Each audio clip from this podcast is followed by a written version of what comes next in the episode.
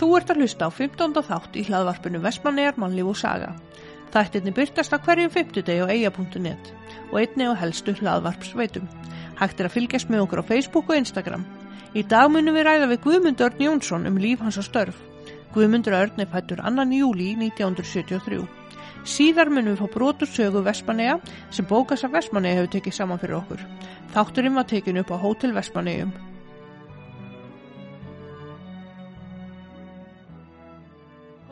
Sæll og blessaður Guðmundur Örn Jónsson Sæl og blessuð. og velkomin í hlaðvarpið okkar. Þakka fyrir það. Eða að titla því sem prestur eða bara Guðmundur?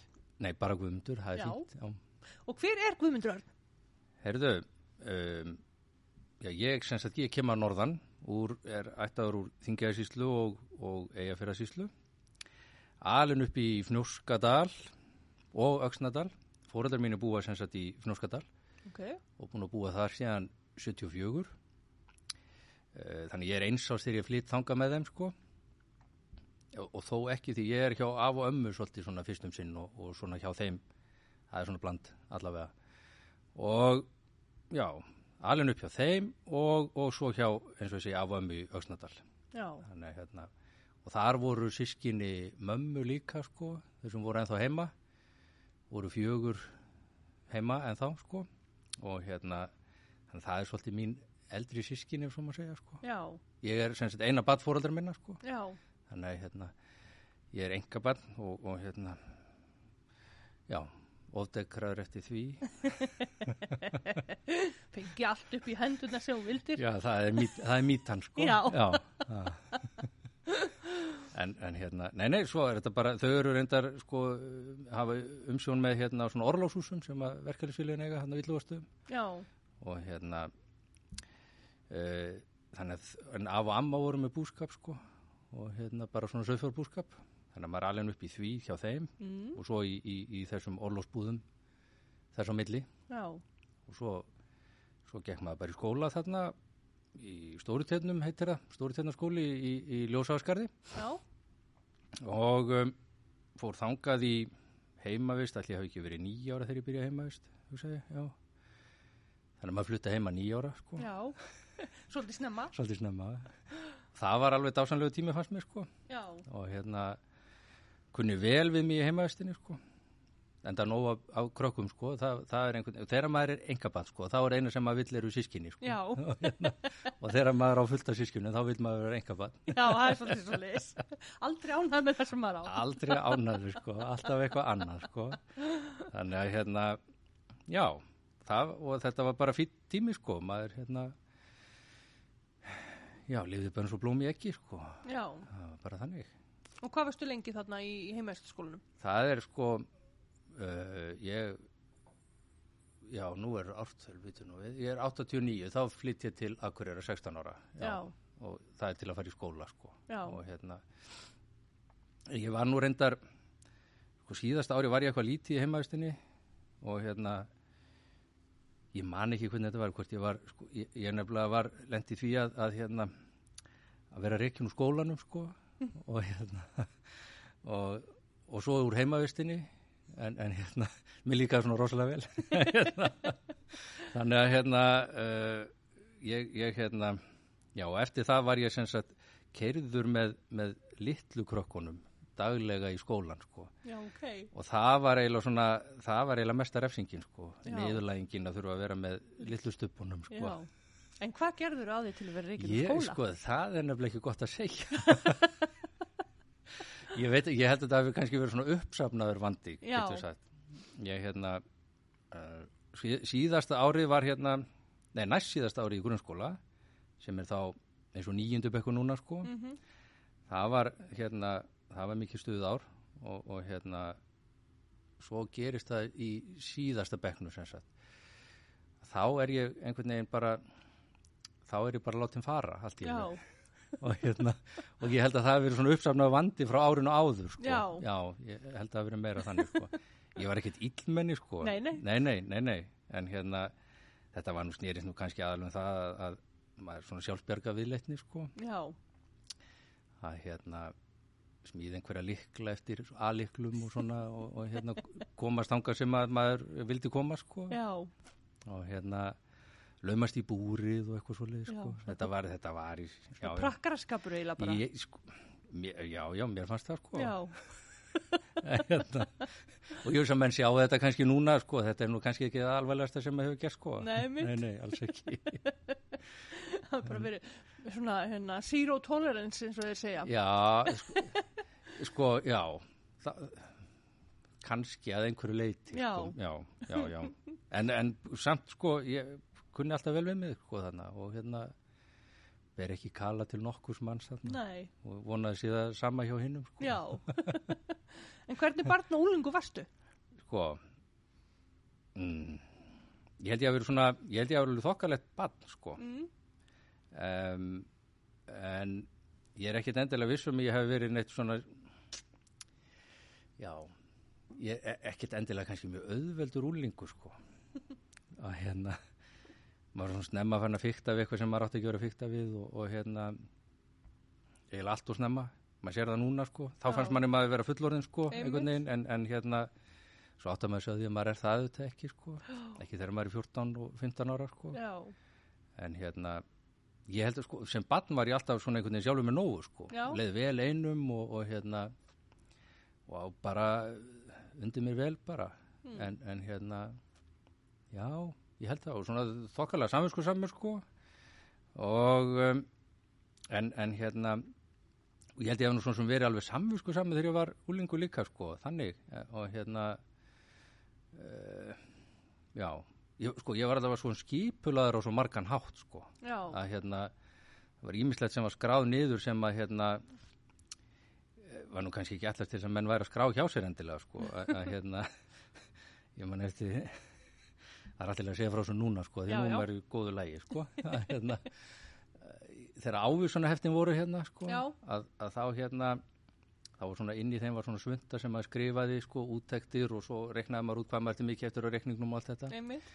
Og ég fylgdi þetta alltaf saminsku samlu út, það var alveg saman hvað ég gerði sko. Já, hvort sem var að kaupa landa eða einhver önnur efni þá skrifaði ég alltaf inn í hérna þannig að- ef lauruglan hefði komist í bókaldið þá hérna hefði komist upp með kallin sko. Þannig að það var regla á já, sko. algjörlega. ekki spurning sko. Þannig að já já. Ég, já já, ég held ég hafi verið þokkalega skipulega sko. Já. já, en hvað hérna, svo fyrir á Akureyri, já þá fer ég í, í segir hérna- maður á Akureyri, já, er það ekki? það segir maður, maður segir ekki til Akureyrar. Jú, jú, við skulum hafa það þannig, þá eru örg Ok, til Akureyrar, já. Að hérna, já, ég fer þangað eiginlega bara, ég, því ég eiginlega vissi ekki hvað ég vildi gera eftir, eftir hérna, eftir skólan Já. og, og hérna, ég gekk sko bara alveg þokkalega að læra og, og hérna, og vel í því sem ég sko laði mig fram um sko, en laði mig kannski ekki fram um nógu mikið sko, en, en hérna, þá var samt sko, þarna allavega mann ég eftir á stóritjörnum, það var ekki það var ekki algengt og alls ekki sjálfgefið að krakkar væru að fara í framhaldsskóla. Nei, og við vorum í rauninu örfáur bekknu sem að fórum í framhaldsskóla. Já, og hérna e, þannig þá flutti ég þangað í, íbúð sem ég leiði með eða var bjói með, með hérna frenda mínum. Byggum það tveir og ég fór í, í hérna matvælabraut. Og ég sá svona kannski sko að því maður var að flytja heimann sko já, að þú veist uh, fjóru sinnum í viku fengum við að geta sko. Það var, það var svolítið basic sko. þá, þá var það svona einhvern veginn afgreitt og maður þurfti ekkit að, að hérna, áhyggjur af því sko. en, og ég kláraði það sem sagt og, og fekk, fekk síðan í framhaldinu svona sjókokkapróf já, ok, þannig að ég hérna ég sjókokkur já, líka, að, sko ekki á já, ég hef ekki notað það. Nei, og hérna, og kannski akkurat eldamennskan í, í kveld sko, hún sýnir fram á það að ég er ekkit mjög öflugu kokkur sko.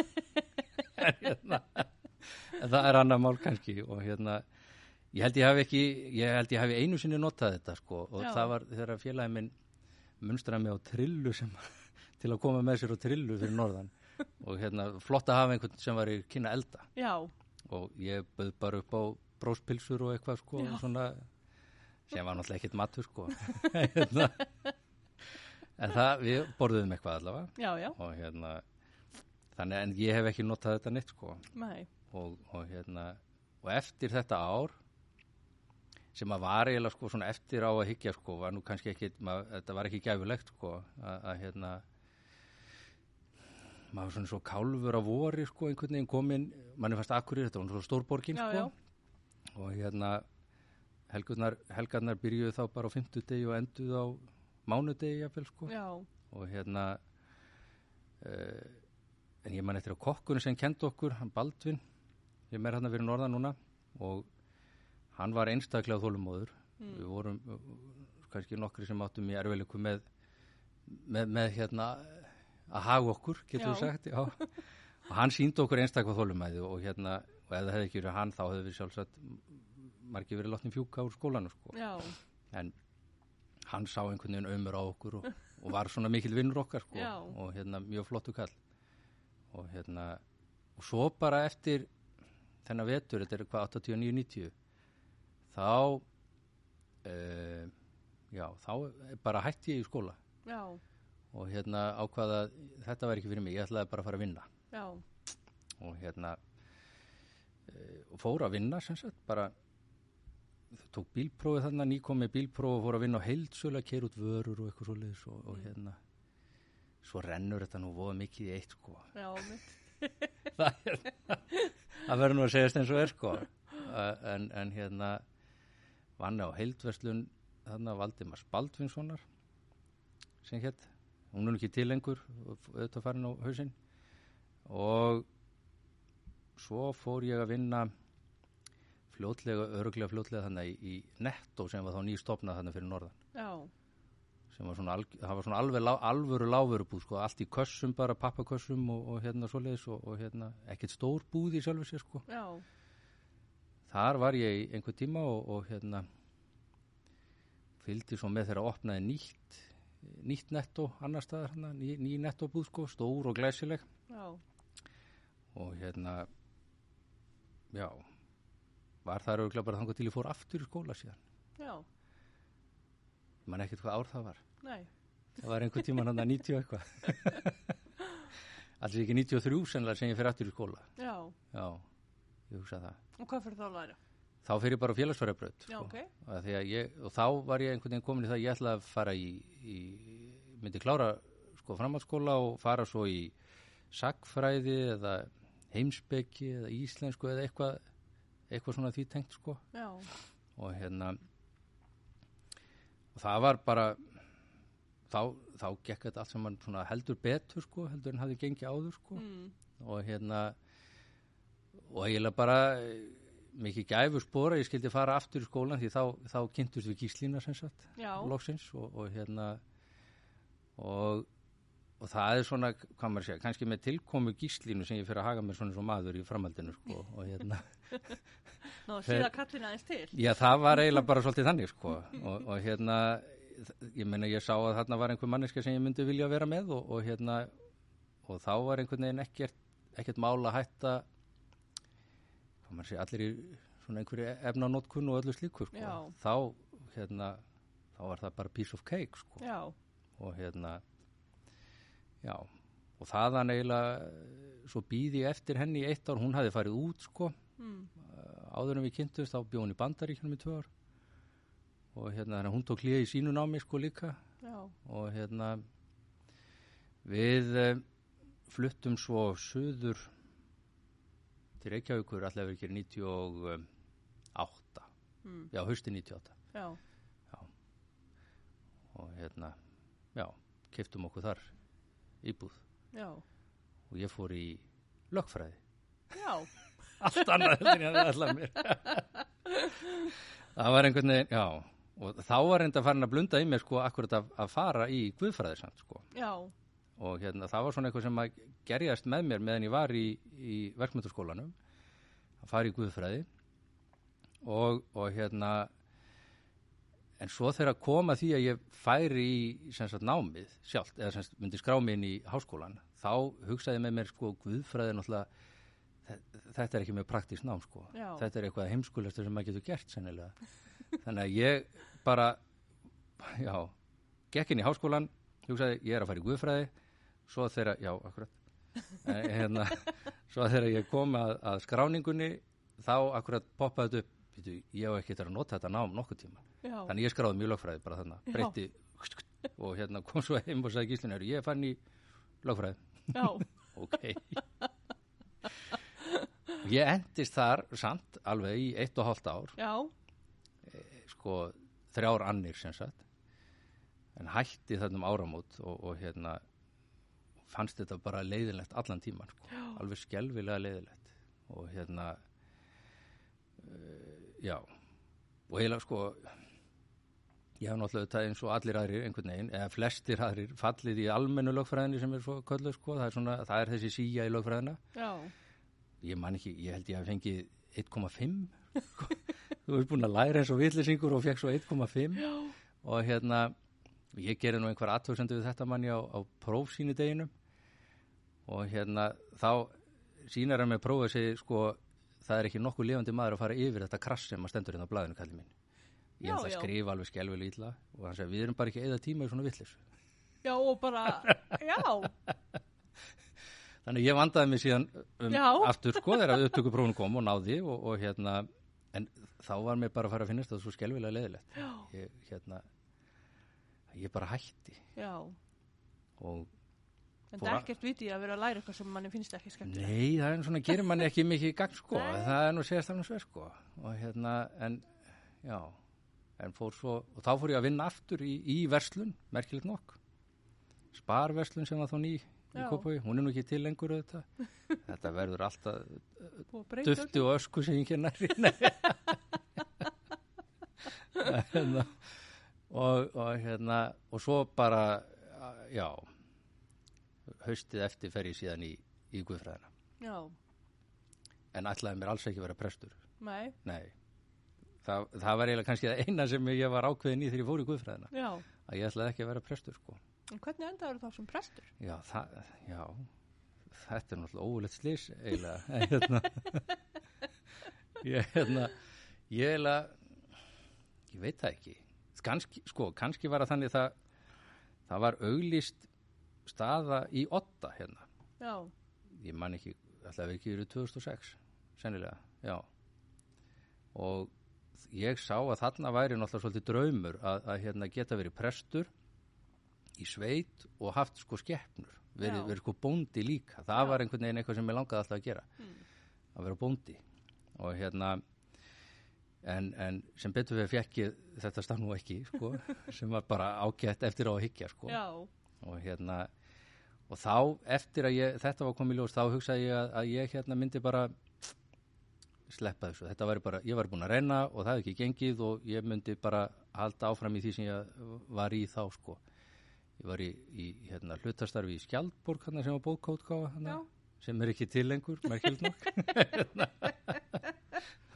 Og hérna og, og hérna og svo hjá útvarstofu kirkjugarðana og, og hérna var búin að vera þar í einhver þrjú ár sennilega og svo með skóla líka. Og um, var eiginlega bara nýbúin að skrifundi samning sem sagt hjá útvarstofunum um bara svona framtíðarsamning sko. Mhm, og þá ringir Óli í mig. Já, ok, og, og segir mér að, að hérna, ég verð að sækjum í Vestmanni já, og ég sagði bara nei, ég er ekki að fara að sækjum ég meina, þú sækir bara um og þú fer bara heim til eiga nei, ég ætla aðeins að býða með það sagði. ég, ég, hérna, ég ætla aðeins að fá reynslu hérna fyrst og svo kem ég heim til eiga sko. og hérna, þannig ég skilaði en umsókn og ég man að Maggi Kristins var formaður hérna e, sóknarnefndar hérna þá sko já, og, og ég, jú, ég hefði nú verið í enn einu starfinu þannig ég var æskulisfulltrú í, í kjalarinsprófastemi líka með Já. þessu öllu sagt, og, og hérna og þar kynntist ég sem sagt Magga að því að þá var Vestmanni af tilheru kjalarinsprófastemi þá. Já, já, og hann sagði við mig hérna rétt áður umsóknarfrestur ég, ég er búin að heyri Ólafjóa og þú verður að sækjum já, Ég- og, ok. Og ég sem sagt kem til eiga með gíslinu og, og, og stelpunna tvær sem eru þá. Og við svona skoðum okkur um og, og ég skil en umsókn. Og 27. Uh, september 2006 þá er, er fundur hérna þar sem að við komum sem sækjum um. Mhm, og ég kem á, á fundin og um kvöldið er mér sagt semst að ég hef fengið embættið og ég byrja semst 1. oktober Já, og þá er, er ég hérna og þremdugum setna er ég vígður semst til press. Já, og komið til eiga bara stuttu setna með, með, einn með köttin reynda til að byrja með því að ég skildi frúna eftir bara heima til að pakka. Já. Það ekkert verið að tvínuna við ekkert vera tvínuna við það sko, nei. Og hérna og það er eiginlega bara, já eins og ég segi það hefur bara orðið okkur til mikill að blessunar. Já, það er eiginlega ekki að netta því að hérna, að ég vildi búi sveit. Já, ég gæti ekki hugsað mér og það var eitthvað sem að þegar við byggum í Reykjavík, þegar við byggum í Reykjavík hérna frá hvað 98 til 2006 mm. þetta eru hvað 8 ár leið vel sko allt það en ég gæti bara einhvern veginn, ég hugsaði bara að festast í Reykjavík og vera gamall í Reykjavík ég held að það sé hræðilegt já, og mér var eiginlega svona ég var fann að eh, fá sko ég sé ekki sveflösa nættur yfir þessu en sko mér einhvern veginn leið illa yfir því að tilhugsunum að verða gamall í Reykjavík sko. já, bara smá kvína fyrir því Já, það var Já. eiginlega svolítið þannig og, og hérna þess vegna var, þóttum mér þetta svo snjált með otta en gíslína var kannski ekki eins hrifin þannig að hérna, ég eiginlega fór það svolítið svona bara hvað ég vildi. Já, og hérna e, já, þannig að Vestmanneir var svona sko góð lending þarna á milli sko, að hérna geta verið ekki Reykjavík í, og hún vil vera í bæ. Mhm, og, og hérna þetta var bara flott. Enda, endaði flott svona í þessu sko. Eiginlega ekki spurning. Hvernig tók samfélagið ykkur? Herðu, bara ótrúlega vel. Já, og hérna sko, já bara mjög vel. Og, og hérna e, og ég held að það sé nú svolítið þannig líka að það sé nú yfirleitt svona tekið vel á móti fólki hérna sko. Og hérna menn voru svolítið ánæður að sko á þessum árum líka sko komið, við vorum ung eða þú veist, allavega yngri en við erum í dag. Og hérna með tvö börn og, og hérna og, og það var bara samfélagi var á þessum tíma líka hérna í eigum, svolítið svona á niðurleið sko. var, þetta var svolítið svona fólk var að, fólki var alltaf að fækka. Mhm, það var eitt sko. Og hérna já og þetta bara einhvern veginn það var góðar í Reykjavík sko, allt í blúsandi gangi þar. Einmitt. Og hérna en, en, en það var ekki svoleiðs út á landi. Nei, og Vestmann er alls ekki heldur sko. Nei, þannig að hérna það var bara svona, ég held að vera svona gleði með það að við skildum vilja koma líka sko. Menn voru svona, svona ánæður að það er einhver sem vill koma. Já, og hérna þannig að, að við upplifum það bara að var vel tekið á mót okkur og, og hérna um, og ég held að vera tekið svona svolítið harkalega á móti manni sko. Ég, ég, man, ég, að ég fór að venja að komu mínar á dekkjavesta þá átti Maggi Braga, þá átti hann og, og, og, og hérna hann í einhvern veginn býður mér það sem sagt. Ég er að koma að skipta um dekk eða eitthvað og maður þekkir ekkert marga sko þannig sko. Einmitt, og segir sem sagt, heyrðu, við erum hérna nokkur sem hittumst alltaf á mótnan eftir ekki til í, þú ert alveg velkomin að koma og fáið kaffi með okkur á mótnana og ég held að hann hafi nú kannski ekki reiknað með að ég kæmi sko. Og hérna, og kannski ekki vonast til þess heldur hérna. en ég byrti síðan bara þarna nokkrum dögum setna og, og hérna sest niður og það verður svona vandræðileg stemming sko þetta, þetta er náttúrulega Já, nákvæmlega, og presturinn sko líka einhvern veginn, menn svona einhvern veginn, hvað á maður að segja og hvernig á maður að vera og allt þetta. Allir að passa sig Allir, já, að mjög, nákvæmlega. og hérna, nema þá kemur hérna inn um Sigurjón nokkur, Ingvarsson, Já, með sínum gassagangi sko og hérna og kemur akkurat og bara nei, hver anskotin verið að bjóða prestfjandanum hérna. Og hérna og svo er bara látið dælun að ganga um trúmál og, og skoðanir hans og prestum og hitt og þetta sko. Reyna að ganga fram að mér. Og maður var svona fljótt að kom, fljótur að komast að þeirri nýðustu að það var svona betra að hafa þennan mann með sér en á móti sko. Já, hérna. En það var bara góðu vinskapur síðan þarna við þessa dekkjavestæði skalla sko. Já, og hérna hefur haldist alveg alveg fram á þennan dag og vonandi verður svo áfram sko. Já, og hérna það var svona hressilega móttöku sko. Já, já og hérna Vestmanni að síð að versmanni að síð sko já, já, já, já, nákvæmlega. Og, og hérna og þannig að menn fóru nú fljóttu bara í sama fari sko sem var bara óskup fínt sko. Já, óskup notalegt. Og hérna ég man reyndar eftir þegar við komum. Þá þá vorum við að rölda saman nýr á Bryggju ég og Gíslína. Og hérna og það eru eldri konur sem mæta okkur.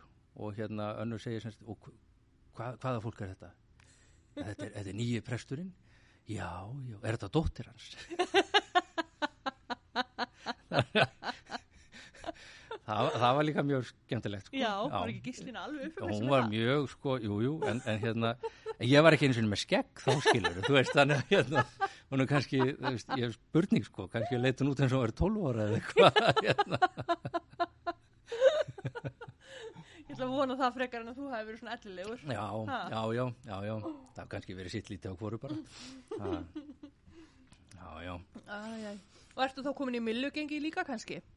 Já, ég, ég tengist því náttúrulega Já. sko. já, já, eðlilega ég, ég, er, ég er svona óvirkur meðlumur í, í millugenginu og, og hellisegjar hérna, Já. út þegar félaginu og hérna og það er eiginlega bara þessi félagskapur nýr og dekkjavesta sem að eiginlega er þess valdandi sko. Já. og hérna og já, ég tók þetta náttúrulega alla leið síðan við setningu þjóðþáttíðir þetta með þessi þennan rígmilli millunar og, og, og hérna því sem að menn vilja þess villuljós sem menn vilja kalla vita.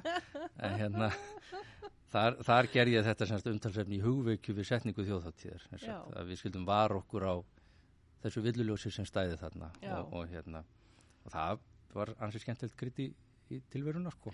Ég þarf núna að býti tungun á mér og vera hlutlaus. Já, já, já, nákvæmlega.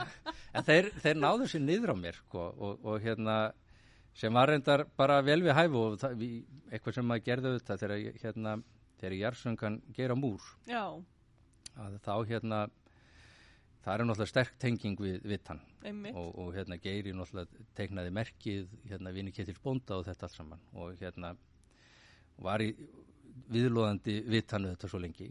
Og þeir fengu mig sem sagt sínir hans til að nefna milluna viftu Já, í minningarorðunum. Og hérna og að sjálfsögðu ger ég það fyrir Geira múr sko. Já. Já. og ekkert fengið eina ávítur frá uh, frá millugenginu eftir það Nei, það hefur reynda ekki að tala við mig síðan en, það er nú kannski annar mál Æ, æ, æ. En finnst þér eitthvað ábútalant í Vespanum? Nei, sko Nei, sko ekki, ekki, ekki sjálfur sér sko en, en það er auðvitað eitt og annað sem að uh, fæðingaþjónusta til dæmis það finnst mér finnst það svona grátlegt sko að hérna að börn get ekki fæðist við erum með allar, allar aðstöðu og allt saman og, og hérna já, allt til alls einhvern veginn til þess að, að, að þetta geti gengið og, og hérna við hefum náttúrulega einn vestmanni, Kormákur yngst í pegin okkar, hann fættist hérna sko. Já, þannig að hérna, það er náttúrulega voða gaman en, en um, já það er kannski einna helst þetta finnst mér með, með hérna, fæðinguþjónustuna annars vorum við að ræða þetta eitthvað áðan og hérna heima fyrir. Og það var það var auðvitað þetta sem kom helst upp á yfirborðið, ef- svo má segja. Og, og hérna svo væri náttúrulega geggja að fá göng. Já. Það væri búið ljúft. Það væri alveg hreint já, það væri mjög flott sko það, hérna. en samt er það þannig það er náttúrulega miklu betri samgöngu núna en það var þegar við fluttum sko Já, já, að hérna þegar ég flutti hingað þá kom ég með sint úla hérna og ég átti að koma semst á, á sunnudegi og nei á, á laugadegi já, laugadagskveldi átti ég að koma en, en, hérna og ég kerið til þólasafnar og, og þar var mér ráðlagt að taka einhverja sjóveikipillur og ég skellti í mig einni sjóveikipillu og svo beði ég og, og hérna svo kemur bara einhver úr afgreiðslunni hjá Herjólfi þarna já, og segir bara, ert þú að býða eftir Herjólfi? já Já, já, já, það er engin Herjólfi núna, það er svo brjála veður. Já, ok.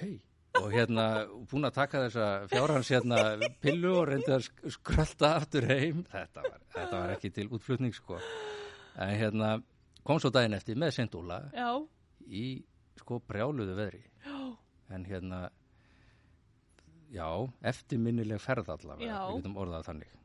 Og hérna, þannig að það var, já, já, það var voða, voða, voða gaman, sko. Þannig að, en svo þegar kemur, landið höfum kemur, þá opnast þessi einhvern veginn möguleiki finnst manni að maður geti alltaf skroppið til, upp á land og fengið sér ís í, ég veit ekki hvaðan hugmynd þú kemur sko einhvern veginn að skreppa upp á land til að fá sér ís en hérna fari íspíltur upp á land einhvern veginn, að það væri algjörlega geggja sko, Já, já, en maður hefur náttúrulega aldrei nokk tíðan gert það sko. Nei. og hérna og ég er bara, sko satt að segja bara ákala línur að fara eitthvað, Já, líður rosa, þannig að sko það er eiginlega skömm að segja frá því að, að, að hérna þetta COVID ástand hefur hendað mér vel að þessu leiti að þurfa ekki að vera á einhverju flandri sko. Geta verið bara heima, Heima og slaka á. Já, og hérna nema auðvitað, þú veist, allar þessar takmarkanir sko, sem Já, eru já. þó hér sko, það, það er náttúrulega óþólandi en, en hérna en ég hef engað sérstaklega þörf fyrir að fara sko. Nei, það er eiginlega enda þegar ég fer upp á land þá er ég eins og sko, gammal maður, sko, ég keri bara 70 og er skítrættur já. Þessi sem er alltaf verið að flauta á í ártusbröndinni. Nákvæmlega, það er ég Þannig ykkur líður vel hérna, ykkur hjóna kornum. bara mjög vel sko, Já, já, ekki spurning sko. Og hérna, já maður hefur einhvern veginn bara það sem maður þarf sko, nema auðvitað það væri, það voru notalegt að hafa meira af fjölskyldunni hérna, já, já, en það, það er náttúrulega er engin nema við. Já, einmitt. Vantar svona kannski smá svona baklandið. já, já, já, En hvað, hérna, hvað er gíslina að gera? herðu, Gíslína er hún er bara full time listamæður, er bara í listsköpun. Já, og hérna hún er enda með fimm háskólagráður held ég sko. Nei, nei, en hérna bara eins og Georg. já, hún kláraði sko listaháskólan fatahönnun Já. þar. Og hérna það var bara eitthvað sem vakti forvitni og þannig að hún er í rauninni fatahönnuður. Já, en, en hérna hefur alltaf málað náttúrulega miklu meira og hefur bara verið í því og hefur ekkert verið í fatahönnun sko. Já, og hérna kláraði svo kennaranám líka framhaldsskóla og grunnskóla kennaranám líka. Þannig að hérna og kendi aðeins sko við framhaldsskólan og hérna ég var svo heppin að vera því að, aðnjótandi. já var það ekki, já, já, já, nákvæmlega. Í, það var í fatahönnum Það var í fötuhönnun. já, nákvæmlega, nákvæmlega. var ekki? Jú. já. Og hérna, það er náttúrulega svo mikil hugmynd að vinna og svoleið sem er í því sko. Þannig að hún er, hún er hérna en svo hefur hún bara verið í, í þessu í, og fann að hérna vera í grafík líka meira. Og, og hérna en er núna búin að vera undanfæra mál og þess vegna endar þetta svolítið á mér að sjá um eldamennskuna sko, sem er, það er ekki ekki kannski, þau eru ekki þetta í lukkupotnin krakkarnir sko, ég skal viðurkenna það. Að, hérna, og það er kannski gallin á mér að sko, ég get aldrei verið góðu kokkur að því að mér finnst sko matur er bara einhvern veginn nöðsynlegur svo maður lifi sko. Já, ég þarf ekkert mikið gúrmi sko. Nei. ég þarf bara skýr og þá er ég bara góður sko. En talandi um, um framhaldsskólan það er endar eitt sem ég veist vanta. Ekki framhaldsskóla sko, Nei. heldur. Ég held að veri geggjað að fá sko, heimavist við framhaldsskólan hérna já, og bjóð upp á þessar brautir sem eru sko ég meina við höfum, þú veist, upp á velstjórn stýrimannaskóla og allt þetta sko, einhvern veginn að hafa og, og hérna, og eitthvað fleira. Já, ég held að það væri eiginlega svolítið magna til að efla framhaldsskólan sko, Já. líka, fá, af því að það er ævintýr að fara í heimavist einhver staðar algjörlega. Eins og var hérna, var stýrimannaskóli og, já, og stýrimanna heimaðistir, sko. Já, nákvæmlega, og margir hérna sem komu og voru í, í, í, hérna framhalskólan hérna í stýrimannaskólanum og og, og hafi ekkert farið, farið Nei, aftur mitt, sko. það er alveg fullt af, fullt af Þannig mönnum hérna. Þarna Náðu er sér í tækjaværi til að fjölga. og. Já, nákvæmlega. Þarna er tækjaværi til að fjölga. Já, já, algjörlega. Það var ekkert vitlaust. Þannig við skorum Nei. bara á framhanskólan að kíkja á þetta. Er það ekki, er það ekki. Ha. En hvað hérna, hvernig er að vera prestur? Já. Uh. Já, það, sko, það er, það er bara ágætt. Já, Já, það er það og hérna yfirleitt yfirleitt ágætt sko og hérna e, maður svo sem veit aldrei hverju maður á, á von á sko. Nei. það er bara ímislegt sem maður dinur á og, og gleðilegt og sorglegt og svo Mhm. framvegis og hérna og það er auðvitað ótrúlega hvað maður segja, það er ótrúlegt þakkar efni að, að hérna mann er treyst sko fólk treystir manni sko. Mm, uh, að því fólk, ég meina, maður er að koma inn í líf fólks bæðið á mestu gleðistundunum oft á tíðum líka og, og mestu sorgarstundum og erfiðustu stundunum. Já, og hérna þannig að, að já það er eiginlega ótrúlegt hvað hérna hvað það hefur einhvern veginn blessast sko. Og, hérna, og ég held að sé og kannski er helsti galdurinn við að vera prestur er kannski bara einhvern veginn að vera maður sjálfur svolítið. Já, að hérna uh, já, vera bara svona almennlega manneskja Já, einhvern veginn. Það er kannski er það já það, það er kannski bestu ráðin sem menn fá sko. Að því að ég maður þegar ég kom hérna fyrst þá var ég þá var ég mjög upptekinn af því að vera prestur sko. mm, og prestar eru sem sagt svona og svona. Og ég man að áður en ég kom þá keipti ég mér tvenn jakkaföt af því að prestar eru í jakkafötum. Og ég var sem sagt spíksporað hérna með jakka, í jakkafötum með bindi. Já, já, sem að ég hafiði aldrei nokkuð tíma gert áður á æfinni og, og hérna og ég man að Pétur heitin í Laufási, Pétur Þóransson sem var prestur í Laufási, hann var svona minn mentor svolítið í prestarfinu og ég var í einhverjum vandræðum og, og hann heyrir í mér og, og ég segi bara, hva, ég meina ég, ég er ekkert að finna mig, ég veit ekki hvernig ég á að vera. Já, og hérna hann sagði, já þú, þú er náttúrulega eins og einhver fígúra í þessum jakkafötum sko. Og hérna eh, það fer manni nefnilega alltaf best bara að vera með sjálfur. Já, og hérna það var bara svolítið gott ráð að, að fá að, að hérna vera maður bara sjálfur og, og svolítið að nýta sko nýta sjálfan sig í starfið ef svo má segja, svona reynsluna sem maður hefur sjálfur gengið í gegnum. Mhm, og hérna þannig að þó maður hafi sko ekki verið eins og eins og maður kannski vildi hafa verið sko á, á yngri árum að, að hérna og alltaf, í- ekki alltaf stundum já, já, í einhverjum skandal og vitleysu að hérna og bara ruggli á tímabili að þá nýtist það manni samt veist, öll mannleg reynslu það nýtist manni síðan bara áfram í, í hvað sem er eiginlega sko. Maður lærir af, af mistökunum sínum og svona. Já, nákvæmlega og, og það, auðvitað er það, það verður alltaf vond ef að maður verður alltaf að gera sömu mistökjun Já, já, maður reynir að forðast það Já. sleppa því. Já, já, já En það var hérna lítill fugg sem að kvíslaði að mér að þú varst í hljómsveit. Já, það, það var nú reynda mjög stuttur ferill, sko, það verður nú að segjast eins og er.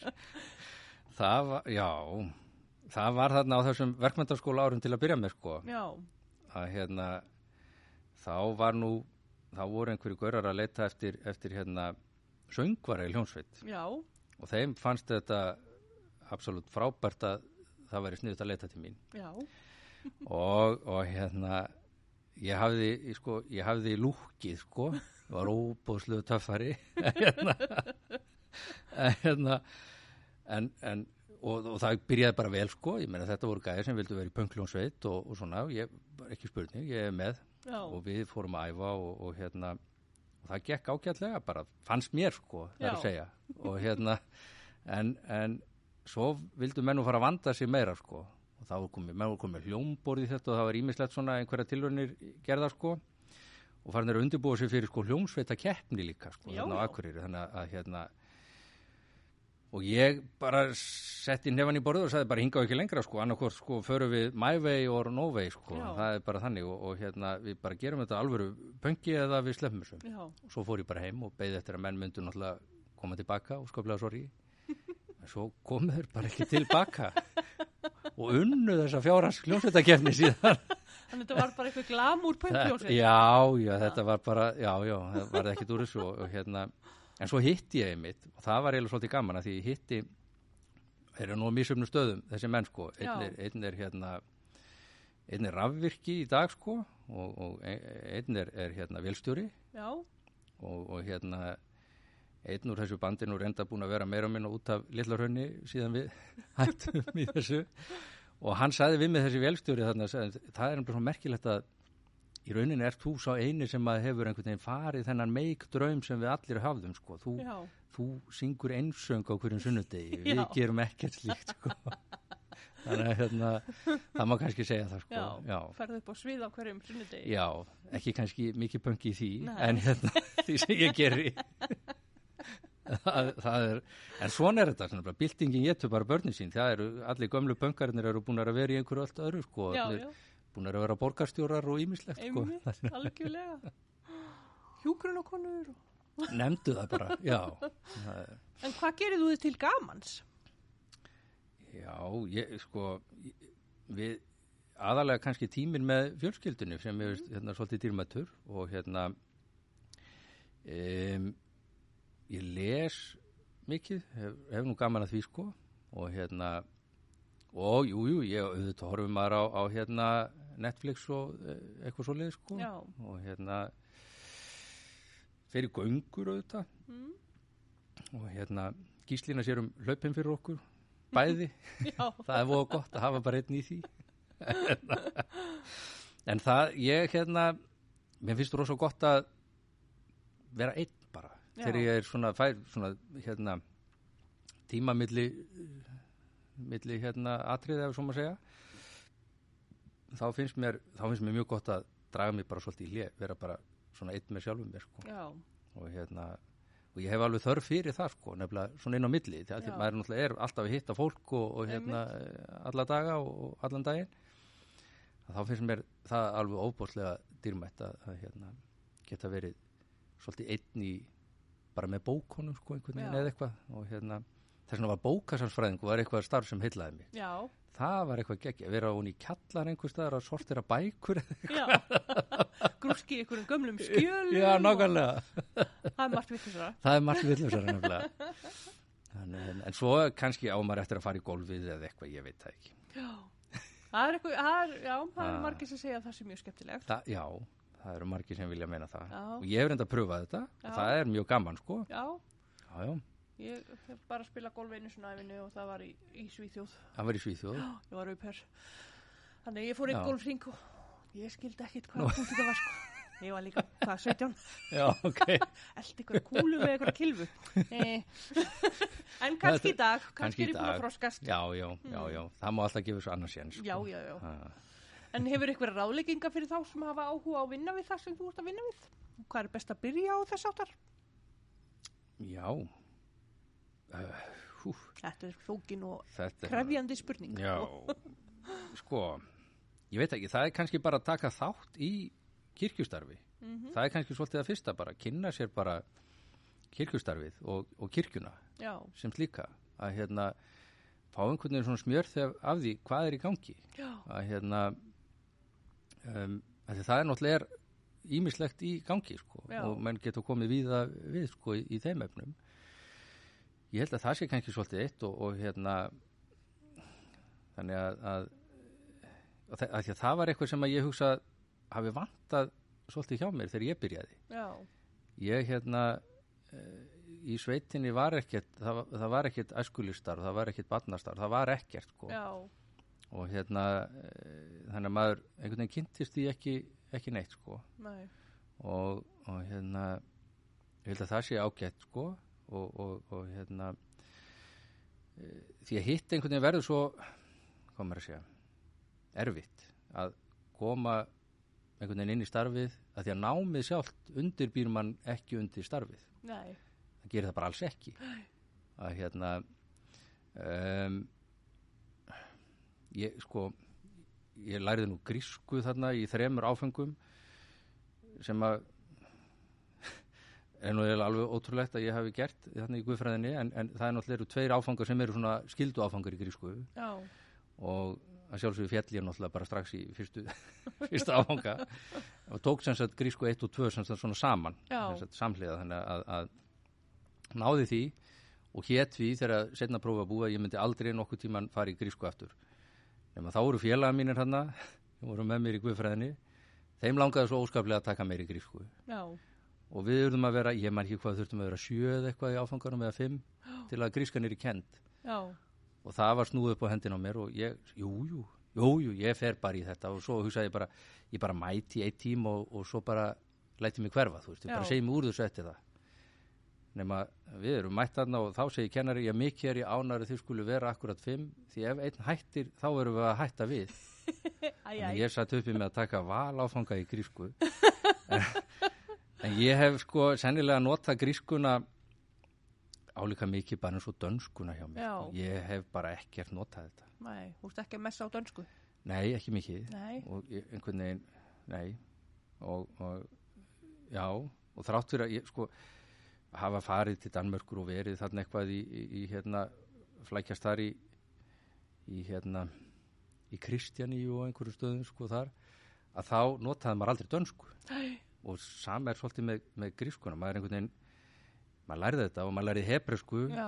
en ég sko gæti ekki bjargað lífi mínu. Nei, ekki með hebreskuna allavega, en Nei. eitthvað með grískuna kannski.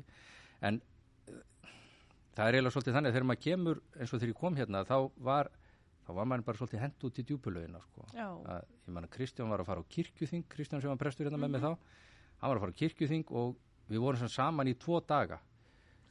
Og þá er hann bara farin Já, skilum við einan eftir og ég, já, og ég rataði ekki neitt, mér fannst þetta allt svo stórt og þetta var bara ég, ég veist, já, já, bara gráti næst einhvern veginn hérna.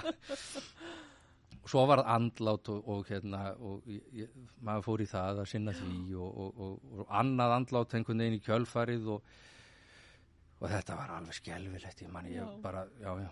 Og ég man, sko, þegar kom að jólunum sko, svo er man alltaf, sko, þú veist maður var fimm daga að búa til eina pretikun þá, sko, Já, bara einhvern veginn frá mótni til kvölds, alveg sveittur, sko. Og hérna e, ég sást ekkit heim um jólin, sko og hérna og það voru fyrstu jólin sem að foreldra mínu voru ekki, kom ekki til okkar þau höfðu alltaf verið hjá okkur í Reykjavík. Og svo þegar við flyttum til Eyja þá komaðu ekki, sem sagt. Já, og hérna, þannig að Gíslínu var bara ein með jólin einhvern veginn og stelpur já.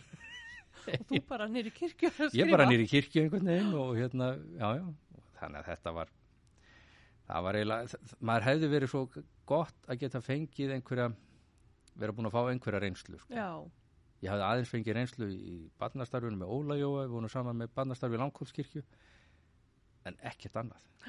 Það var bara bóstalega þannig. Já. Þannig að maður vissi ekki neitt sko. Þurfti eiginlega að vera svona verklega kjensla líka kannski. Það þurfti að vera meira það, það var já, það er, það er enda komið núna. Já, nú er þetta, er allt annað núna var sko, sem betur fer sko, sem betur fer. Hendi djúbulegina og bara Já, það, ég veit það ekki það er, þá var stemmingi líka hjá eldri prestunum kannski þannig sko, já við þurftum að gera þetta svona. Já, þannig að þið gera þetta bara svona Já, líka. já. en nú er gera þetta auðveldara. Já, nei, alls ekki, nú erum við að reyna að gera mönnum þetta auðveldara Já. held ég. Já, já, já, já, en hvað notar guðfræðina í annað en að vera til dæmis prestur? Já, ég hef, sko, já, ég er svolítið forvitin um já. sko, það var eiginlega kannski það sem ég hafði hugsað mér með guðfræðinni, Mm. af því að guðfræðin er svo óbúslega sakfræði líka. Mhm. Hún er náttúrulega eh, tengist þessu tímabili svo, svo hérna mikið sögu hebreða náttúrulega og, og hérna Ísraels manna og, og, og hérna og svo náttúrulega þessi tími sem er þarna í kringum Jésu uh, í kringum, kringum ári 0 Mhm. Já, já. segja, og hérna og það er bara það er það sem er líka svo heillandi Mm. það er þessi saga saga þessa samfélagsarna sko og, hérna, og, og hún tegið sér svo víða sko, í, í guðfræðinni og hún kom í allavega hugmyndafræði sko, sko alveg fram á, á sko 2001. öldina skilur þú veist, guðfræðilega hugmyndafræði og, og, og þetta tengis þetta heimspekinni líka svo sterkum böndum. Já, og hérna þannig að sko í rauninu guðfræðin er svo ótal ótal margt sko, líka. Og, og, hérna, og það var það sem ég sá kannski í guðfræðinni að því að ég ætlaði ekki að vera prestur. Já. Hérna, þá geti kannski nýta í bókasafsvörðin já nákvæmlega. Eh, hvað sem er einhvern veginn. Og hérna, en það held ég svo sem að það auðvitað er það svolítið þannig að það er öll svo mentun sem að við, við hérna við öflum okkur, hún, hún er ekki til einskis þó við séum ekki að vinna við nákvæmlega þetta. Já, já, hún, hún nýtist okkur bara, gerir okkur bara betri manneskjum eða, eða vísýtni eða hvað sem er sko einhvern veginn. Að, að hérna ég held að það sé ég held að það sé ekki spurning sko já þannig að hérna, já já, og sjáuð ykkur hérna að vera í Vespanheim bara til framtíðar eða sko krossum puttan og vonum það já. sko eins og staðan er allavega þá er maður, þá er maður hér sko Já. og hérna um, uh, ég, sko ég hef reyndar aldrei og það er nú svo merkilegt ég hef aldrei gert plön um eitt eða neitt Nei. í mínu lífi Nei. Og einhvern veginn hefur hafa hlutinni bara gerst. Já, þetta hefur bara einhvern veginn æxlast og, og hérna en sko eins og staðan, við erum náttúrulega alveg þrjá vestmanninga mhm. við gíslina og, og hérna og það er einhvern veginn eitthvað ég meina, börnin okkar hafa engar rætur fyrir norðan. Nei, við höfum rætur fyrir norðan já, já, sem eru svona einhvern veginn, en við höfum náttúrulega ekki búið fyrir norðan síðan 97 sko. Já, þannig að, að hérna þannig svona aðeins farið að minka sko. Og, og þetta er svo staður sem við höfum búið hvað lengst á Þannig að þau eru alveg orðið bara vestmannegingar. Ég, er það ekki, er ekki er ekki, er ekki allir vestmanningar sem búa í vestmanningum? Mér Er finnst það það. ekki? Já. Mér finnst það, sko. Er það ekki svolítið svolítið? Varst að búa kannski í 2,5 ár. Já, tvö og hálft ár, já. Já, við erum, já, já, við erum komin í góðan, góðan árafylgda, sko. já, Þannig að það er bara fínt. Það er vera 15 ár í haust. já, aðeins. Já, já, og vonandi, ég meina, ég er fann að líta í kringum mig, sko. Ég horfi, ég horfi svolítið til hérna, eh, byggðarinnar hérna fyrir ofan, ofan bæinn, sko. Þa, þar, þar vil ég síðan vera gammal, sko. Já, Svolítið rók þarna reyndar, Já, en já. það er geggjað útsinni. já, ég var einmitt hérna, erum við búin að vera ofta að tala í frikka um að væri fínt að fá bara grunninn að gamla ekkjabúðinu. Já, eitthvað, já, Hún líst ekkit á það. nei, Hann sagði bara, þetta er allt og mikið rókina. Hann vil bara flytja til Tenerife. Þannig, já, ok. þannig að það er spurning. Já, það, er, það er svolítið munur þarna á, Það er sko. smá munur. En það ég held að sé, sko. En ég held að sé alveg æðilt að búa hann frá. Ég held það, sko. Held Í, í 900 og hvað, einn eða tveimur? Já, er það ekki? Ekki einn, jú, 901, Já, Vestmannegar. 901 Vestmannir. Já. já. Ég held að það sé alveg, ég held að það sé magnað, sko. Við verðum nágrannar. Ekki, ekki spurning, sko. Það- Það var nú þannig í gamla daga að fólk fór hérna í útilegu jú, jú, mikil ósköp, sko. Já, já. Það- og það bara tók rosalega mikið á að fara hérna upp yfir í útilegu, sko. Þarna. Ég, ég, sko, ég var einmitt að lesa, það var svolítið gaman, ég var að lesa um hérna þegar golfvöllunum var gerður. Já, það var akkur þetta sko, þá var hérna þetta var svo mikið ferðalega að fara allir leiðin í Herjólfstall að menn fóru bara á bílum og voru þarna yfir heila helgja því að þetta var, þá tók því ekki að vera að fara heim aftur já, já. allar þessa leið Ég held um þetta þjóðatíðanar í gamla daga hafa verið svo leiðis að fólk var Er það ekki? gist í tjöldunum, sko. Það kom ábygglega, eða ég veit ekki, ég þarf að kynna mig það, Já. hvort að tjöld, tjaldamenningin hafi komið út frá því að því. fólk var að gista, sko. já, það er ekkit ólíklegt sko. þetta er náttúrulega þvílíkt ferðarlag Já, en hérna en það tengist þetta líka þessu að búa þarna fyrir ofan bæinn vera samt einhvern veginn með Vestmanneabæ hérna bara við hliðin á sér samt sem áður já, að það er svolítið staðurinn sem við gíslina byggum á á Akureyri. Já, við byggum á svona stað sko Já. sem að afi minn og amma bygguð þar sko. Það var gamalt fjós sem að þau innréttuðu sem íbúð sko. Já, stendur í miðjum bænum, rétt það sem háskólinn stendur núna mhm, en, en þá var engin byggð neistæður í kring. Já, og þau voru með búskap af amma sem byggu á Akureyri sko. Þau voru með, voru með kindur og, og, og, og það voru torf fjárhús, torf hesthús og allt úr ok. torfi sem sagt í kring. Og þarna byggum við gíslina sagt til Já. að byrja með. Hún sagt flutti til mig, hún er alltaf haldið hún hafði dottið í lukkupottin, maðurinn bjóði í einbýlishúsi og átti bíl og svona einbýlishúsi var svo gammalt fjós sko og hérna. Ekki kunna við að ekki- Skilunum. Nei, nei, nei, nei. Það er málið sko. Uh, en hérna, hvað er staðsta prakkarastiki sem þú hefur gert? Já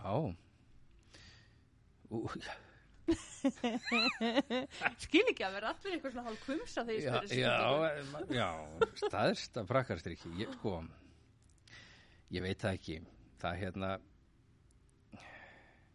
sko, sumt sem að maður gerði er, er auðvitað ekki prakkarstrykk, það er bara ólöglegt. Og hérna, það er, þú veist, maður er ekki að fara í það, sko, hérna, hérna, ég veit það, sko, kannski,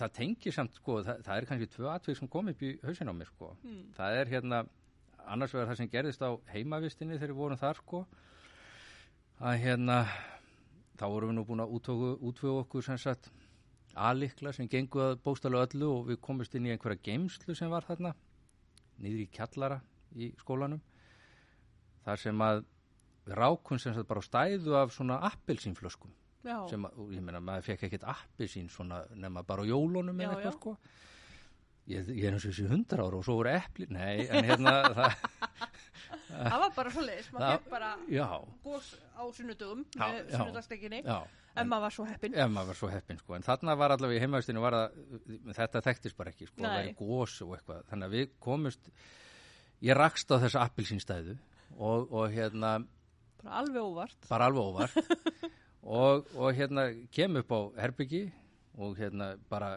með fullt fangi appelsínflöskum og bara það er bara fullt af appelsín þarna niðri strákar. Við getum bara fengið okkur appelsín okkur svo okkur sýnist. Og það var náttúrulega öll strolla niður að fá sér appelsín og, og hérna svo drukkuð við appi sín bara eins og greifar sko. Og hérna földum flöskurnar auðvitað og svona og, Já, já. og hérna vorum eitthvað að reyna að gangi augun á stelpunum með appi síni sko og bjóðu, ykkur appi sín og svona en, en þær voru nú svo sem ekki æstar í þetta hefur sannlega grunn að við mættum þetta ekki eðlilega kannski. En hérna það allavega endaði svolítið eh, já, endaði eiginlega svolítið með því að við vorum bara orðnir svona kærulausir í appi sínun og skilja flöskurnar eftir hér og þar bara. Þetta voru orðið svona sjálfsögðu lutur Já, bara hverjum degi appilsín, bara eins og sig tróði og hérna og svo allt í einu erum við kallaði sem sagt á fund hjá skólastjóranum og þá kemur auðvitað auðvitað ljósa að við áttum auðvitað ekkert þetta appilsín, eðlilega ekki. Ungmennafélagið átti appilsínið sko. Og hérna og það eru miklar yfirherslur í gangi og, og ég ég man eftir því að ég, ég var svona hann sittur í úr fyrir fram að skólastjóran og aðstofskólastjóran og, og segir bara, ég meina þetta liggur bara þarna Glámbekk. Ég meina, þú veist, hvað við hverju búist þið? Og það var bara, Guðmundur þetta er ekki á Glámbekk.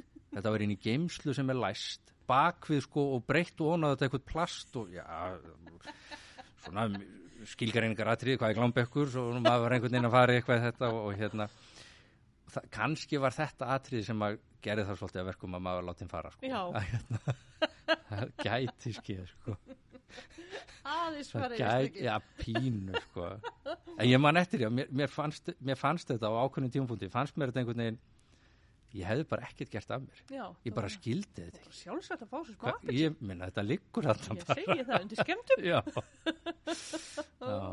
en svo var kannski atrið sem að hérna það er nú setna reynda, þá erum við orðinir eldri ég og félagi minn hérna úr sveitinni. Mm.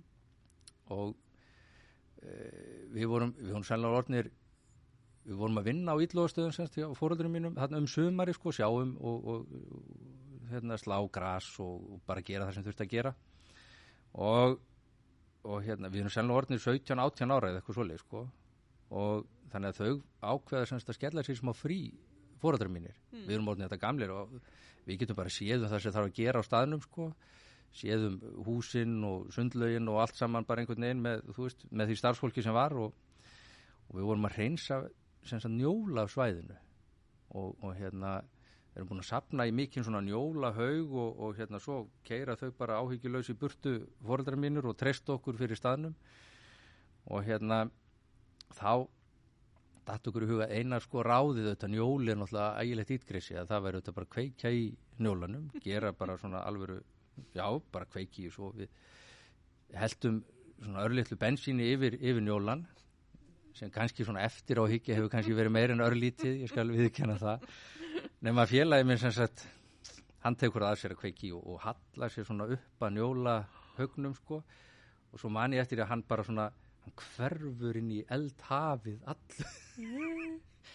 og hárið já, já, en hann slapp nú svo sem var en, en hérna en þetta er óglimalegt atrið að horfa á hann sem sagt á, í, sko, á kafi eldi sko, bara, bara svona hvarf eitt augnablík sko, og svo skuttlar hann sér í burtu þetta og, og hérna er, er, er farin en, en hérna ég man ekki hvort við sögðum þeim frá þessu alveg strax sko, allavega þegar þau ringdu um kveldi hvort, jú, hér er nú allt í góðu Já. lægi sko Þángar til þú sá hann og hann bara já, hárlaus og... hárlaus og eldröður sko.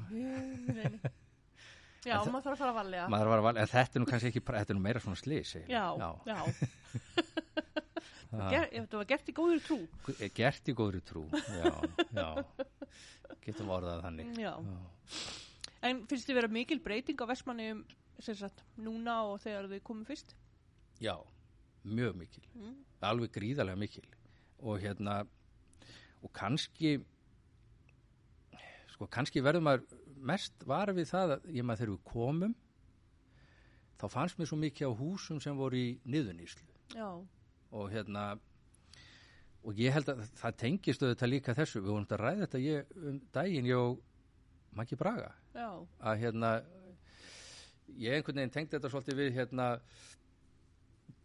að, að vestmanneinga væru kannski eh, væru eitthvað brendir á gósinu sko mm.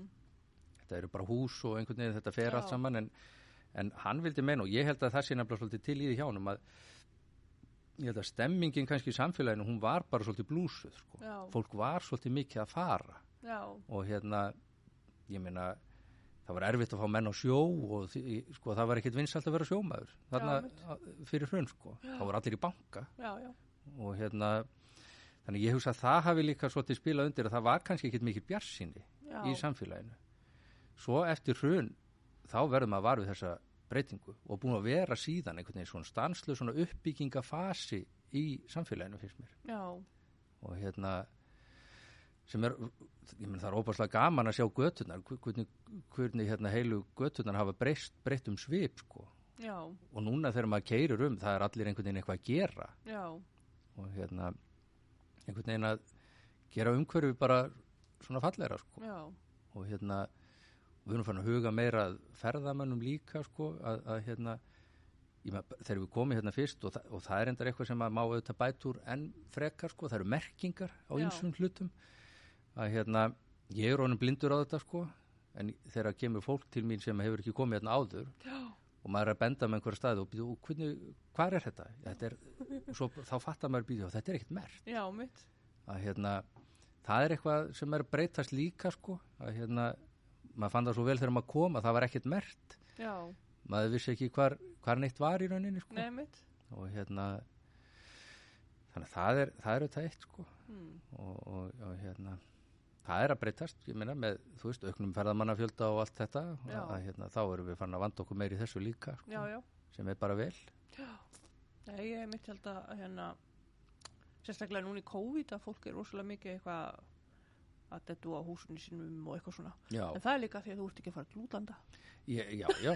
Og, þa það, og það er eitt kosturinn sem ég sé nefnilega við þetta COVID að hérna, þurfi ekki að vera að flækjast til útlanda sko. að hérna, eitthvað það hræðilegsta sem ég ger í lífinu er að fljúa og hérna ég væri tilbúin að sigla sko í halva mánu frekar en að fljúa sko. En, en hérna það verður nú svona lítið fríinu þá sko en, hérna, en ég bara ég á bara erfitt með að fljúa það er bara þannig. Og, og hérna þannig að maður er rosa ánæður bara það er engin krafið það að maður fyrir að fljúa eitthvað til útlanda Nei. það er engin að það er ekki þangað að segja ah. já er eitthvað sem þú vilt koma svona framfæri til vestmanneyinga til já þú já, og annar, an, annars hvað sem er, annars fólk sem að hlustar Já, annars fólk sem hlustar já, já. Nei, ég sjálfur sér ekki sko. ég bara er ákvæmlega ánæður að, að, hérna, og við í, í familjunni að vera hafa komið til eiga að, hérna, ég, eins og ég segi þegar ég kom hérna fyrst höfðu, ég hafði aldrei komið hérna áður og hérna og það er svona partur af þessu hvað maður planleikur sér mikið að, hérna, allt í nær maður bara komin og hérna og þetta er bara allt í norðið heim sem maður Já. hefði einhvern veginn sem maður var svo viðs manni að nokkuð tíman maður ætti eftir að koma á þann stað sem maður ætti eftir að koma á að, að, hérna, þannig að já, það er eiginlega bara þetta þetta er bara heim og það er einhvern veginn svo notalegt að, að geta sagt það svolítið. Já, að því ennþá á ákveðnum stöðum hérna í eigum þá líður mér svolítið eins og ég sé í draumi sko. það er alltaf svo hún er eitthvað svo mikil fegurðin oft á, á hérna á, á, á, á hérna á nokkrum stöðum hérna í eigum að, að, að hérna að vera svona overwhelmed eiginlega sko. Og, og, og hérna já.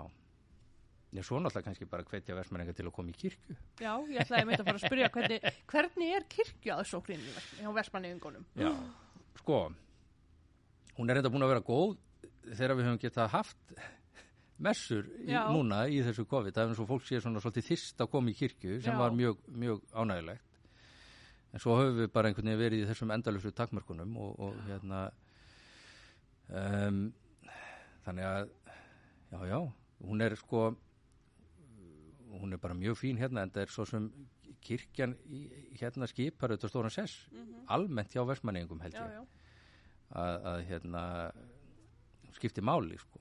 Og, og, hérna, og það var auðvitað svo ljóst auðvitað þegar landakirkju, við vorum í vandrað með að fá málingu á landakirkju og þetta er náttúrulega kirkja sem 1780 sko, það er ekki alveg ný.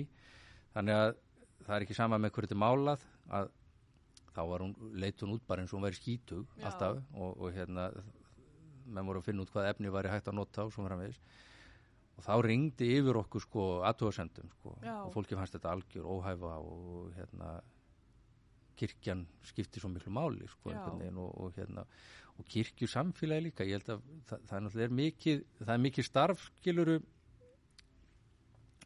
sko fyrir alla aldurshópa Já. í kirkjunni sko sem að ég held að fólk gerir sér kannski ekki grein fyrir. Það er auðvitað, þú veist, við erum með barnastarfið og við erum með æskulistarfið og, og hérna við erum með tólsporastarf og, og hérna og allavega sko svo náttúrulega auðvitað kirkjukórin og kvenfélagið og, og kvenfélagið náttúrulega sko þvílíku gemsteið fyrir kirkjuna. Já, veist, þessar þetta er ekki fjölmennur hópur, kvenfélagskonurnar þær sjá um erfiðdrykkjurnar og, og svo leiðis en, en hérna óbúslega dýrmættar fyrir, fyrir kirkjuna. Þeir borguðu nýtt sko hljóðkerfi og mynd, myndakerfi og, og hérna sálmabækur og hökla og skrúða og, og hérna og hafa hjálpað til við alveg ótal ótal margt. Og komið varandi æskulisfélagi líka og styrt það og, og hérna þannig að þó þetta sé ekki fjölmennur hópur þá eru þær þvílíkt dýrmættar fyrir, fyrir, hérna, fyrir kirkjuna.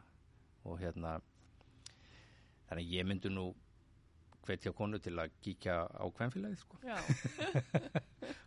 og hérna og svo náttúrulega þetta kórin, við erum náttúrulega með frábæran organista þar, hann, hann er Kitty. Það er bara hún er, hún er organista á heimsmæli hvarð og við erum eiginlega bara lígilega heppin að, að hafa hana hérna. Ég held að, við, ég held að maður gerir sér kannski ekki alveg fullkomlega grein fyrir því. Nei, einmitt. Hvað hún er, er, hérna, er stórkostleg sko.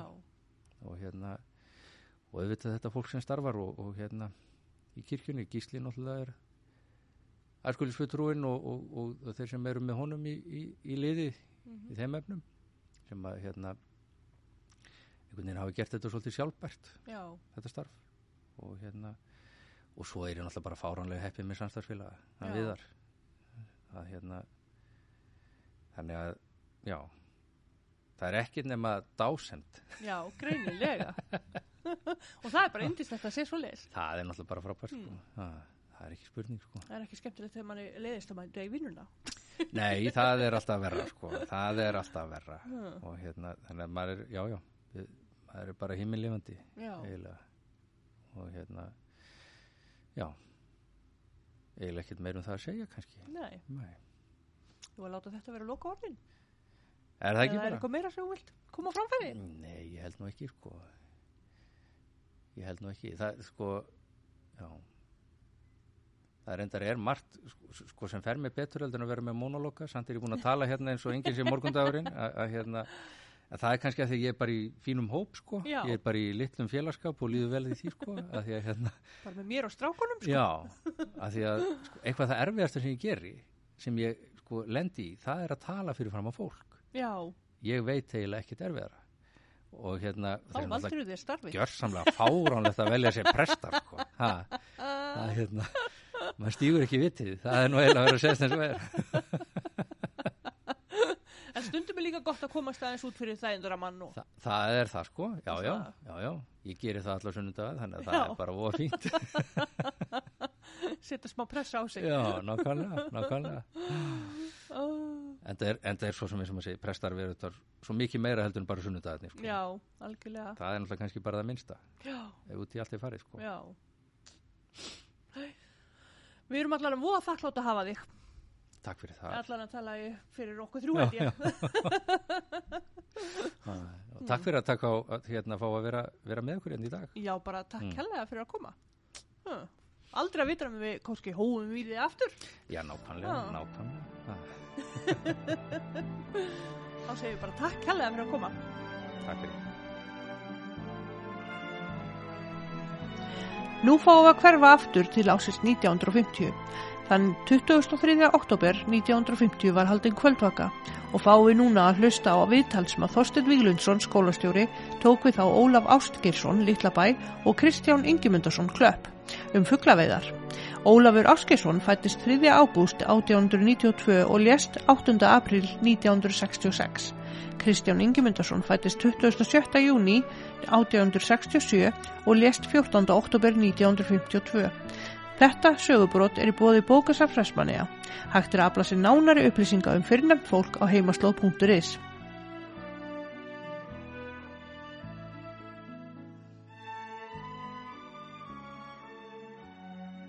Hér hefst stuttur þáttur um fugglaveiðar. Tveir kunnir fugglaveiði menn í eigum, Ólafur Áskilsson frá Littlabæ og Kristján Ingemundarsson frá Klöpp svara nokkun spurningum. Ólafur hefur stunda fugglaveiðar á hverju sumri í 43 ár. Annars hefur Ólafur lagt margt á gjörfahand. Hann er kunnasti árabátasmiður í eigum. Hefur hann smíðað um æfina haft á þriðja hundrað árabáta og trillur. Sjó hefur Ólafur jafnan stundað á vertíðum síðan um fermingur. Kondur sæl Ólafur, hvernig hófst, hvenær hófst veiðitímin?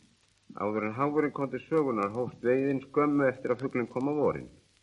Hvernig var lundin veittur áður en háfurinn kom til sögunar? Hann var tekin í hólum með svona endum grefli, en eins og kunnugt er grefur lundin sig í jörðu þar sem svo hagar til.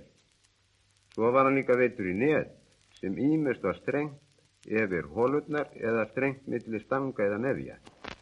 Hvenar var háfurinn tekin í nokkur? Háfurinn mun hafi verið tekin í nokkur nokkru fyrir aldamót og þá breyttist veiðitíminn, þannig að hann hóst 11 vekur á sumri og stóð í fjórar vekur.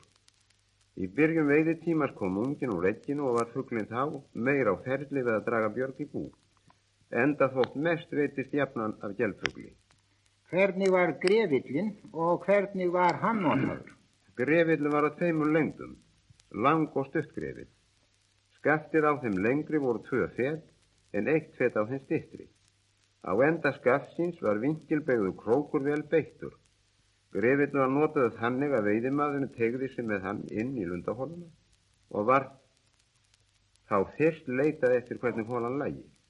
Ef ekki náðist til lundast með greflunum úr hólu opinu Þá var stungið gat gegnum svörðin, nær hólu endan og náðist oftast til lundans á þann hátt.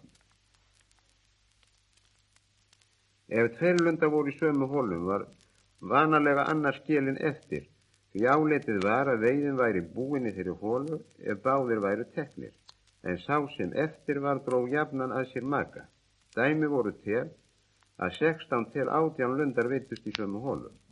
Var öllum heimilt að veiða fugg þar sem þeim síndist? Nei, öll veiðilönd hér í eigum, bæði á heimaegi og útegjum hafa leigið undir jarðarbændur. Þeir jarðarbændur sem ekki stundu veiði sjálfur eða hefði ekki á heimilum sínum veiði menn, fengu tóntúsmenni aðra til að veiða fyrir sig. Hver útegi eða veiði svæði var skipt millir fleiri jarða og var einn veiðimað frá hverju jörð og jafnan úlingar umfram sem voru að læra að veiða. Veiðinu var skipt þannig að jarðarbóndi fekk einn þriðja hlut fyrir veiðilegið. Hvernig er háfurinn og hvernig er hann notaður? Háfurinn er skatt 12 feta langt, gildar í, í þann endan sem haldir um en mjókkar fram af höldinni. En svo nefnist þvers, þvers býta þar sem tvær spækur eru festar við, en spækur eru örmjóar stengur úr sterk og sveianleg efni og mynda eins konar þrýhyrning sem lokast við skaftir og opnast íbógin fram. Innan þessa þrýhyrnings er netið. Háverðurinn notuðu þannig að veiðimaðurinn setur oftast í bjargbrúninni og lætur sem minnst á sér bera. Lundin flýgur alltaf sneðhast við vindin, meðfram brúninni. Veiðimaðurinn fylgir fugglunum með auganum. Stundum fljúa merkir í einu og verður maður þá að velja sér ákveðin fögl. Ef maður álítur að fugglinn sé í færi nær maður, slær maður hafnum upp eins snögglega og und er og grýpur fugglinn í neti. Síðan dregur maður háfinn að sér og tekur undir vangi fuggsins meðan maður greiðir hann úr netinu. Þá grýpur maður fugglinn í greipinu og tippur honum úr hálslinu. Hvað þótti góð veiði? Það þótti góð veiði maður veitið 3-400 á dag. Lundin var kippaður á snæri, 100 lundar í kippu og borin þannig á einn staði inni. Þar var hún skipt og mest í hversin hlöð. Tvers var í veku komu sem menn úr landi og sóttu fugglin. Er fugglaveiðin stundur eins mikið nú og áður var? Nei, með breyttum atvinnuháttum hefur þessi veiðiskapur lagst neður að mestu leiti. Fram að 1920 var fugglavinni stunduð að miklu kappi, en nú má segja með skreppi til lundastöku sinn og sérlu gammans. Þetta er heil Ólafur.